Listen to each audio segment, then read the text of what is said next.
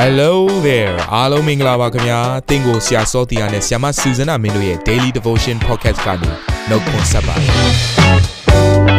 ဆရာနဲ့ဆ iam မတို့ရဲ့အသက်တာမှာဘုရားရှင်ပြုတဲ့ကောင်းကြီးမင်္ဂလာများစွာရှိပါတယ်အဲ့ဒီအထက်ကပြန်လဲစီးဆင်းတဲ့နှုတ်ကပတ်တော်ကိုဒီနေ့မှနားထောင်ပြီးခွန်အားယူကြမှာဖြစ်ပါတယ်နေ့စဉ်10မိနစ်လောက်အချိန်ပေးပြီးမိမိရဲ့အသက်တာကိုကောင်းကြီးဖြစ်စေမယ်ဘုရားသခင်ရဲ့နှုတ်ကပတ်တော်နဲ့နီးလန်းတွေကိုအတူတကွခံယူကြရအောင်ခင်ဗျာ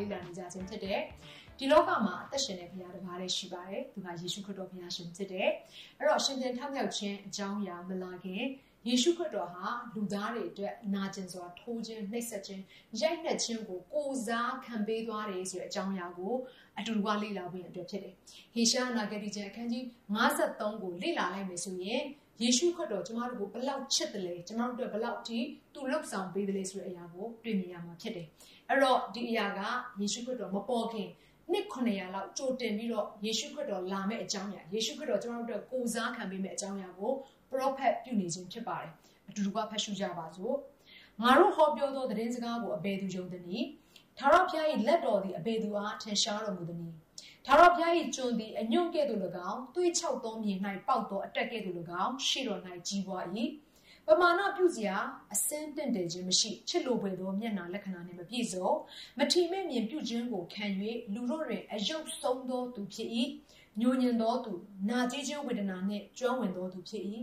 သူတစ်ပါးမျက်နာလွှဲခြင်းကိုခံရသောသူကဲ့သို့ဖြစ်၏မထီမဲ့မြင်ပြုခြင်းကိုခံရရှိ၍ငါတို့သည်မယူသေးကြ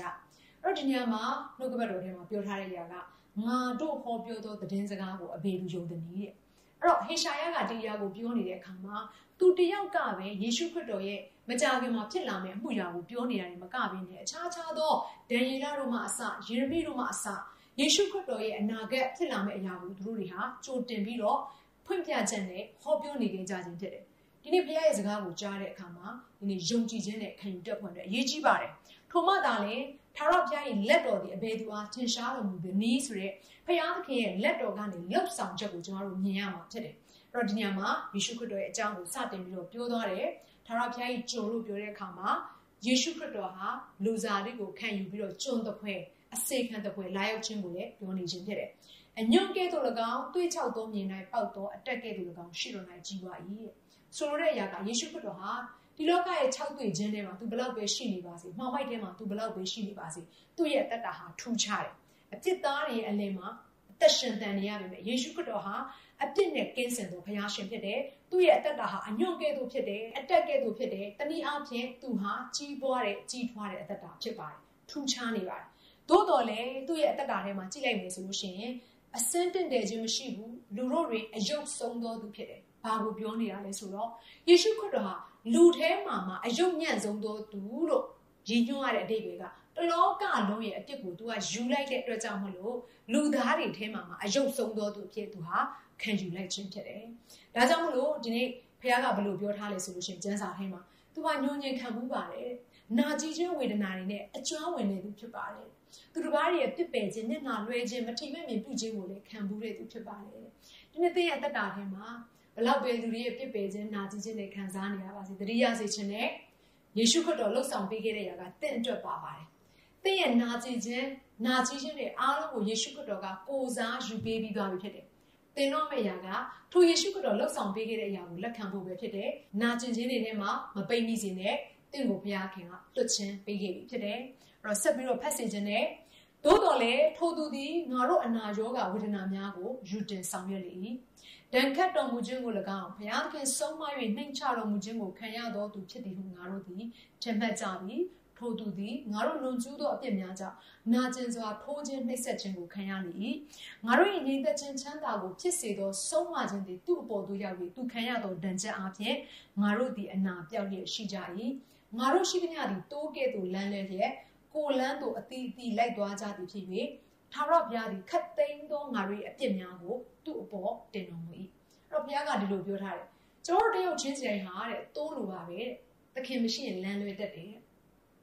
လမ်းပြောင်းနေတဲ့ကျွန်တော်တို့တယောက်ချင်းစီတိုင်းရဲ့အသက်တာကိုဘုရားက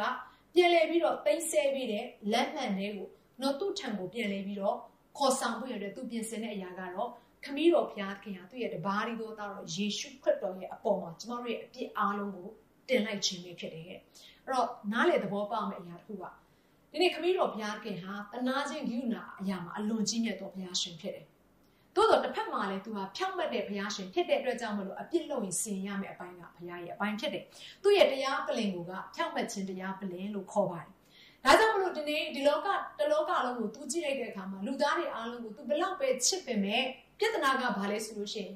ချစ်တတ်တဲ့တနာတတ်တဲ့ဘုရားရဲ့တနာခြင်းဂိူနာနဲ့လူရဲ့အပြစ်လုပ်တဲ့ခြင်းကတွေ့တဲ့အခါမှာကြီးမားတဲ့ဖြည့်ရှင်းလို့မရတဲ့လူတွေလုံးဝနော်အဖြေရှာလို့မရတဲ့ပြဿနာကြီးဖြစ်လာ။ ဘာဖြစ်လို့လဲဆိုတော့ဘုရားခင်ကအပြစ်ရှင်စင်ရမှာ။ဒီပြဿနာကိုဖြေရှင်းနိုင်တဲ့သူကဘုရားတစ်ပါးတည်းပဲဖြစ်ပါတယ်။ဘုရားကဘာလို့လဲသူ့ရဲ့တပါးသောသားတော်ကိုကျွန်တော်တို့အတွက်ဒီလောကတွေကိုဆေလွတ်ခဲ့တယ်။ထိုယေရှုခရစ်တော်ဘုရားခင်ကလည်းကျွန်တော်တို့ကိုချစ်တဲ့အတွက်ကြောင့်မို့လိုလိုလန်းလန်းပဲသူဟာအပြစ်စင်ခြင်းရှိသမျှကိုခံယူပေးတဲ့ဘုရားရှင်ဖြစ်တယ်။ဒါကြောင့်မလို့ဒီနေ့ဗာပြောထားလေဆိုရင်ယေရှုခရစ်တော်ဟာကျမတို့နဲ့အလဲအလဲနေရာလဲလှယ်ပြီးတော့သူကိုယ်တိုင်ဒီလောကရဲ့နာကျင်ခြင်းနဲ့ဆိုင်တဲ့အပြစ်နဲ့ဆိုင်တဲ့ ကြင်ခြင်းအလုံးကိုလာရောက်ယူသွားပြီးတာဖြစ်ပါတယ်။ဒါကြောင့်မလို့နားလည်စေခြင်းနဲ့ထိုကဲ့သို့ယေရှုခရစ်တော်ဘုရားခင်ရဲ့ကယ်တင်ခြင်းကိုသင်ညာရှိခြင်းနဲ့ဆိုရင်တော့ယုံကြည်ခြင်းအရင်လာပါမယ်။ယုံကြည်ခြင်းရဲ့နောက်မှာတော့ဒီနေ့ယေရှုခရစ်တော်ရဲ့ကယ်တင်ခြင်းကိုရောက်ရှိနိုင်မှာဖြစ်ပါတယ်။အဲ့တော့ယေရမိမိတန်းစကားအခန်းကြီး1ခန်းငယ်7ကနေ14မှာလည်းဒီလိုပြောထားပြန်တယ်။အိုခီးသွားသောသူအပေါင်းတို့ကြည့်ရှုစင်ကြင်ကြတော့ ထာဝရဘုရားသည်ပြင်းစွာအမျက်တော်ထွက်သောနေ့၌ငါ့ကိုညှင်းဆဲ၍ဖြစ်စေတော်မူသောဒုက္ခနှင့်တူသောဒုက္ခရှိသလော။အထက်မှမီးကိုငါအယိုးထဲသို့လွှတ်လိုက်၍ကြေမွစေတော်မူပြီးငါခြေကိုကြော့မိစေခြင်းကကြော့ကွင်းထောင်၍ငါ့ကိုပြန်စေတော်မူပြီးတနေ့လုံးနှိုးငယ်ခြင်းအကြောင်းစိတ်ပြည့်ခြင်းအကြောင်းကိုငါ၌ဖြစ်စီတော်မူ၏ငါပြစ်မှားသောအပြစ်တဘိုးကိုလက်တော်နှင့်ငါလယ်ပင်ပေါ်၌တက်၍ချီနှောင်ပြီးမှထာဝရဘုရားသည်ငါကိုအာရော့စေ၍ ငါမစည်းတောင်းနိုင်သောသူတို့လက်သို့ရောက်စီတော်မူ၏ဒီຢာကလည်းယေရမိထဲမှာယေရှုခရစ်တော်ဟာဒီလောကရဲ့အပြစ်အားလုံးရဲ့တဘိုးကိုသူကိုယ်တိုင်နော်ထမ်းသွားတယ်ဆိုတဲ့အကြောင်းအရာကိုရည်ညွှန်းနေခြင်းဖြစ်တယ်ထို့တဘိုးကိုဘသူကတင်လေဆိုရင်ခမည်းတော်ဘုရားခင်ကသူ့အပေါ်မှာ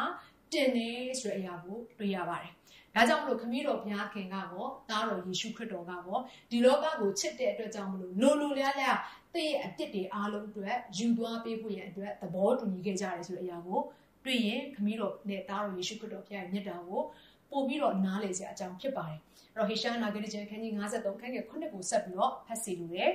ထိုသူသည်ညှင်းဆဲခြင်းနှင့်နှိတ်ချခြင်းကိုခံ၍နှုတ်ကိုမဖွင့်ဘဲနေ၏အသေးသက်ခြင်းကဆောင်းသွားသောတိုးတငယ်ကဲ့သို့သူ့ကိုဆောင်းသွား၍တိုးသည်အမွှေးညက်သောသူရှေ့မှမမြည်ဘဲနေတဲ့ကဲ့သို့သူသည်နှုတ်ကိုမဖွင့်ဘဲနေ၏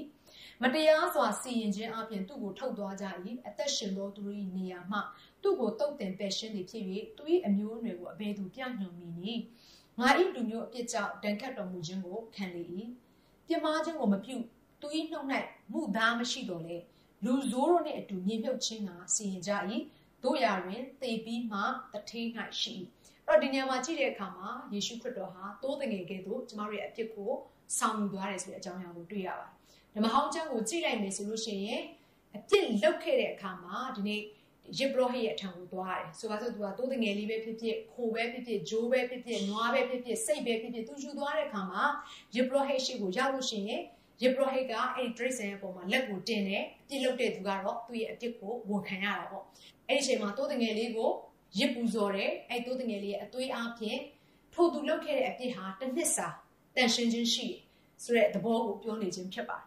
သို့တော့ဒီနေ့ယေရှုခရစ်တော်ကတိုးတငယ်ပမာကျမတို့အတွက်ကိုစားခံပေးပြီးပြီဖြစ်မှာတော့ဒီနေ့သင်ရဲ့အပြစ်အတွက်တရိတ်ဆန်မလိုတော့ပါဘူးပြင်လေပြီးတော့ရစ်ပူဇော်စရာမလိုတော့ပါဘူးယေရှုခရစ်တော်ဟာတလောကလုံးရဲ့အဖြစ်အတွက်ကိုစားတိုးတင်ငယ်လေးပါမှာခံယူသွားပြီးဖြစ်တဲ့အတွက်ကြောင့်မလို့ဒီနေ့တည့်ရဲ့အဖြစ်ရှိသမျှအားလုံးအတွက်ယေရှုခရစ်တော်ဟာတာဝန်ယူပေးပြီးဖြစ်တယ်ဆိုတဲ့အရာကိုနားလည်စေချင်ပါတယ်။ဒါကြောင့်မလို့ဒီနေ့ prophet ပြုထားတဲ့အရာမှာကြည့်လိုက်မယ်ဆိုရင်လူဆိုးတို့နဲ့အတူမြေမြုပ်ခြင်းကစီရင်ကြ၏။ အဲ့ဒါကဘာကိုပြောနေရလဲ။ယေရှုခရစ်တော်ဟာလဝါကားတိုင်ပေါ်မှာရှိတဲ့အခါမှာလူဆိုးတို့လို့ပြောတဲ့အခါမှာ plural အများကြီးကိုပြောနေခြင်းဖြစ်တယ်။သူ့ရဲ့ဘေးနားမှာသခိုးနဲ့တများရှိနေတယ်။ဆိုတော့လူဆိုးနဲ့အတူမြေမြုပ်ခြင်းကိုခံတယ်။တနည်းအားဖြင့်အသေးသက်ခြင်းကိုခံတယ်လို့ပြောနေခြင်းဖြစ်တယ်။တို့ရရင်သေပြီးမှတထေး၌ရှိ၏။တထေးဆိုတဲ့အရာကတော့ single ကိုပြောနေခြင်းဖြစ်တယ်။တနည်းအားဖြင့်အာဒီနေရာမှာအ ਨੇ ကင်းကိုပြောနေခြင်းဖြစ်တဲ့အတွက်ကြောင့်မလို့သူတကြို ဖို့ရန်အတွက်ပြင်ဆင်တဲ့အခါမှာဘသူရဲ့လက်ထဲကိုရောက်သွားလဲဆိုတော့တထေးဂျိုးဇက်ရဲ့ယောသက်ရဲ့လက်ထဲမှာရောက်ရှိပြီးတော့မှထိုသူရဲ့တင်းချိုင်းထထဲမှာပြုတ်နှံခြင်းကိုခံခဲ့တယ်ဆိုတဲ့အကြောင်းအရာကိုတွေ့ရပါတယ်။ဒါကြောင့်မို့နားလေရှိရှင်တယ်ဒီနေ့သင်ဟာဓမ္မဟောင်းကျမ်းကိုဖတ်တဲ့အခါမှာ နော်မေရှိယဆိုတဲ့စကားလုံးတွေကိုသင်ဘလောက်ပဲထက်ခါထက်ခါဖတ်နေပါစေအဲ့ဒီစကားလုံးတွေထဲမှာရှိနေတဲ့ဖခင်ရဲ့ဖွင့်ပြချက်ကိုသင်ဟာကြော်သွားမယ်ဆိုရင်တော့ကယ်တင်ရှင်နဲ့သင်ဟာလွဲရပါလိမ့်မယ်ဒီနေ့ယေရှုခရစ်တော်ဘုရားခင်ဟာသင်ကိုကယ်တင်ခဲ့ပြီးပြီဖြစ်တယ်သင်ကိုချစ်တဲ့ဘုရားရှင်ဖြစ်တယ်ယေရှုခရစ်တော်ဘုရားခင်ဟာခမည်းတော်ဘုရားခင်ရဲ့နှလုံးသားလည်းဖြစ်တယ်ခမည်းတော်ဘုရားခင်တပါးရီတော်သားတော်လည်းဖြစ်ပါတယ်တင့်အတွက်အကောင်းဆုံးကိုလုပ်ခဲ့ပေးပြီးဖြစ်တဲ့အတွက်ကြောင့်မို့သင်လို့မဲ့အပိုင်းကထိုမေရှိယဖြစ်တဲ့ယေရှုခရစ်တော်ကိုယုံကြည်လက်ခံဖို့ရတဲ့ပဲဖြစ်ပါတယ်အဲ့တော့ဆက်လက်ပြီးတော့ အခန်းငယ်7နဲ့7ကိုဖတ်လို့ရတယ်မိမိစိတ်ဝိညာဉ်ခံရသောဝေဒနာ၏အကျိုးကိုမိမိမြင်၍အားရလိမ့်မည်ထိုဖြောင့်မတ်တတ်သောငါ၏ကျွန်ကိုတည်ကြံခြင်းအပြင်သူသည်အများသောသူတို့ကိုဖြောင့်မတ်ရာ၌တည်စေလိမ့်မည်သူတို့ရဲ့အပြစ်ကိုကိုယ်တိုင်ဆောင်ရွက်ရ၏ထို့သောမိမိအသက်ကိုတေခြင်း၌တွန်း၍မတရားသောသူတို့၌ရေတွက်ဝင်ခြင်းသို့ရောက်သဖြင့်လူများ၏အပြစ်ကိုဆောင်ရွက်၍မတရားသောသူတို့ဖို့တောင်းပန်သောကြောင့် လူကြီးတို့ကိုသူတို့အဖို့ဖြစ်စေခြင်းကငါခွဲမိအစွမ်းတတ္တိရှိသောသူတို့ကိုသူ၏လက်ဥစ္စာကဲ့သို့ကိုယ်တိုင်ဝေဖန်ရသောအခွင့်ရှိလိမ့်မည်အဲ့တော့ဒီမှာယေရှုခရစ်တော်ဘာလုပ်ပေးခဲ့လဲဘာဖြစ်လို့အသေးခံပေးတယ်လဲဆိုရင်လူများရဲ့အပြစ်ကိုဆောင်ရွက်၍မတရားသောသူတို့အဖို့တောင်းပန်သောကြောင့်လို့ပြောထားပါတယ်ကျမတို့အသက်တာကိုပြန်စဉ်းစားကြည့်လိုက်ကျမတို့အသက်တာထဲမှာအပြစ်မလုပ်ဘူးတဲ့သူမရှိပါဘူးဖြောင့်မတ်သောသူမရှိပါဘူးလူပေါင်းကတညီတညွတ်တဲ့လမ်းလွဲတဲ့သူတွေဖြစ်ပါတယ်။ ဒါကြောင့်မို့ဒီနေ့ကျမတို့ကိုဖန်ဆင်းတဲ့ယေရှုခရစ်တော်ဘုရားခင်ဟာကျမတို့အဖို့နော်ဒီလောကရဲ့အပြစ်တွေအားလုံးအဖို့သူဟာကိုစားခမည်းတော်အရှိမအယူခံဝင်ပေးပြီးတော့တောင်းပန်ပေးတဲ့အတွက်ကြောင့်မလို့ဖြောက်မတ်စွာစီရင်ပိုင်တဲ့ခမည်းတော်ဘုရားသခင်ဟာကျမတို့ကိုမစီရင်တော့ဘဲနဲ့ယေရှုခရစ်တော်ကိုပဲကျမတို့ကိုစားစီရင်သွားတာဖြစ်ပါတယ်။ဒါကြောင့်မို့နားလေစေချင်ပါတယ်ယေရှုခရစ်တော်ခံပေးခဲ့တဲ့နော်ဝေဒနာအပြင်ကျမတို့ဟာဖြောင့်မတ်ခြင်းကိုရတယ်ကျမတို့ဟာခမည်းတော်နဲ့မိတ္တဟာယဖွဲ့ခြင်းကိုပြန်လဲရရှိပါတယ် ဒါကြောင့်မို့နားလေစေချင်ပါတယ်ညီကိုမောင်မများကျမတို့ဘက်ကတော့ယေရှုခရစ်တော်လှုပ်ဆောင်ပေးခဲ့တဲ့အရာကိုလွယ်လွယ်ကူကူရပါမယ်ယေရှုခရစ်တော်ဟာကျမတို့အတွက်ကြီးစွာသောပြင်းစွာသောဝေဒနာကိုခံယူပေးခဲ့တဲ့ဘုရားရှင်ဖြစ်ပါတယ်ဒါကြောင့်မလို့ယေရှုခရစ်တော်လှုပ်ဆောင်ပေးခဲ့တဲ့အကြောင်းအရာကိုပြန်လည်ပြီးတော့ဆင်ခြင်လိုက်ပါသင်ရဲ့အတ္တထဲမှာစစ်မှန်တဲ့မေတ္တာကိုခံစားရရှိမှာဖြစ်ပါတယ်။ဒါကြောင့်လို့အခုချိန်မှာအတ္တအသီးသီးကိုဘုရားရဲ့အရှိန်မှာစက္ကန့်အနှံပါစို့။သင်ဟာဒီအပြစ်ဒုစရိုက်ထဲမှာ နစ်မွန်းနေတဲ့သူဆိုရင်မမေ့ပါနဲ့ယေရှုခရစ်တော်သင်အတွက်ကိုစားလှုပ်ဆောင်ပေးခဲ့ပြီးဖြစ်တယ်။အခုချိန်မှာအတ္တကိုအတူတူကစက္ကန့်အနှံပွင့်အတွက်ဖြစ်တယ်။ဆုတောင်းကြပါစို့။အဖဖျားသခင်သားသမီးတို့တယောက်ချင်းစီတိုင်းကိုအလွန်ချစ်တဲ့အတွက်ကိုရောကိုကျေးဇူးတင်တယ်။အပြစ်များတဲ့သားသမီးတယောက်ချင်းစီတိုင်းကိုကယ်နှုတ်ဖို့ရန်အတွက်ကိုရောရဲ့တပါးရီတော်သားတော်ယေရှုခရစ်တော်ကိုဒီလောကထဲကိုဆစ်လွတ်ခဲ့ပြီးတော့သားသမီးရဲ့အပြစ်ရှိသမျှကိုသူ့အပေါ်မှာ တင်ပေးခဲ့တဲ့အတွက်ကိုရောကိုကျေးဇူးတင်ပါတယ်ဒီနေ့ယေရှုခရစ်တော်အားဖြင့်သားသမီးတို့ဟာလွတ်မြောက်ရပါတယ်နာကျင်ခြင်းအားလုံးထဲကနေပြီးတော့သားသမီးတို့ဟာဝမ်းမြောက်ခြင်းကိုပြန်လည်ရကြပါတယ်ဘုရားသခင်ဒါကြောင့်မလို့ကိုရောကိုကျေးဇူးတင်ပါတယ်အပင်ငရဲကိုသွားမယ်သားသမီးတို့တယောက်ချင်းတိုင်းရဲ့အသက်တာကိုချိန်ချင်းခံရတဲ့သားသမီးတယောက်ချင်းတိုင်းရဲ့အသက်တာကိုလွတ်မြောက်စေတော်မူသောဘုရားနာမတော်ဒီဘုန်းကြီးမင်္ဂလာရှိတော်မူပါစေသော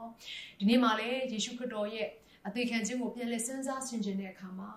ဒီသားသမီးတို့မေတ္တာတော်ကိုအထူးခံစားရရှိပါတယ်။ ယေရှုခရစ်တော်ဘုရားကိုတော်ကသားသမီးတို့တယောက်ချင်းချင်းအတွက်ချိုးဖဲ့ခံခဲ့သည့်ဤတူသားသမီးတို့တယောက်ချင်းချင်းသည်လေကိုရောအတွက်ချိုးဖဲ့ခံရဲသောသူများဖြစ်စေဖို့အတွက်သားသမီးတို့အတွင်းတူကိုကိုရဲ့မေတ္တာတော်အားဖြင့်ခိုင်ခံ့မြဲမြံစေတော်မူပါ။အသက်တာအသီးသီးကိုစက္ကဲအနံတဲ့အခါမှာယေရှုနာမကိုပြီးပြီးဆုတောင်းစက္ကဲအနံပါတဲ့ဖာ။အာမင်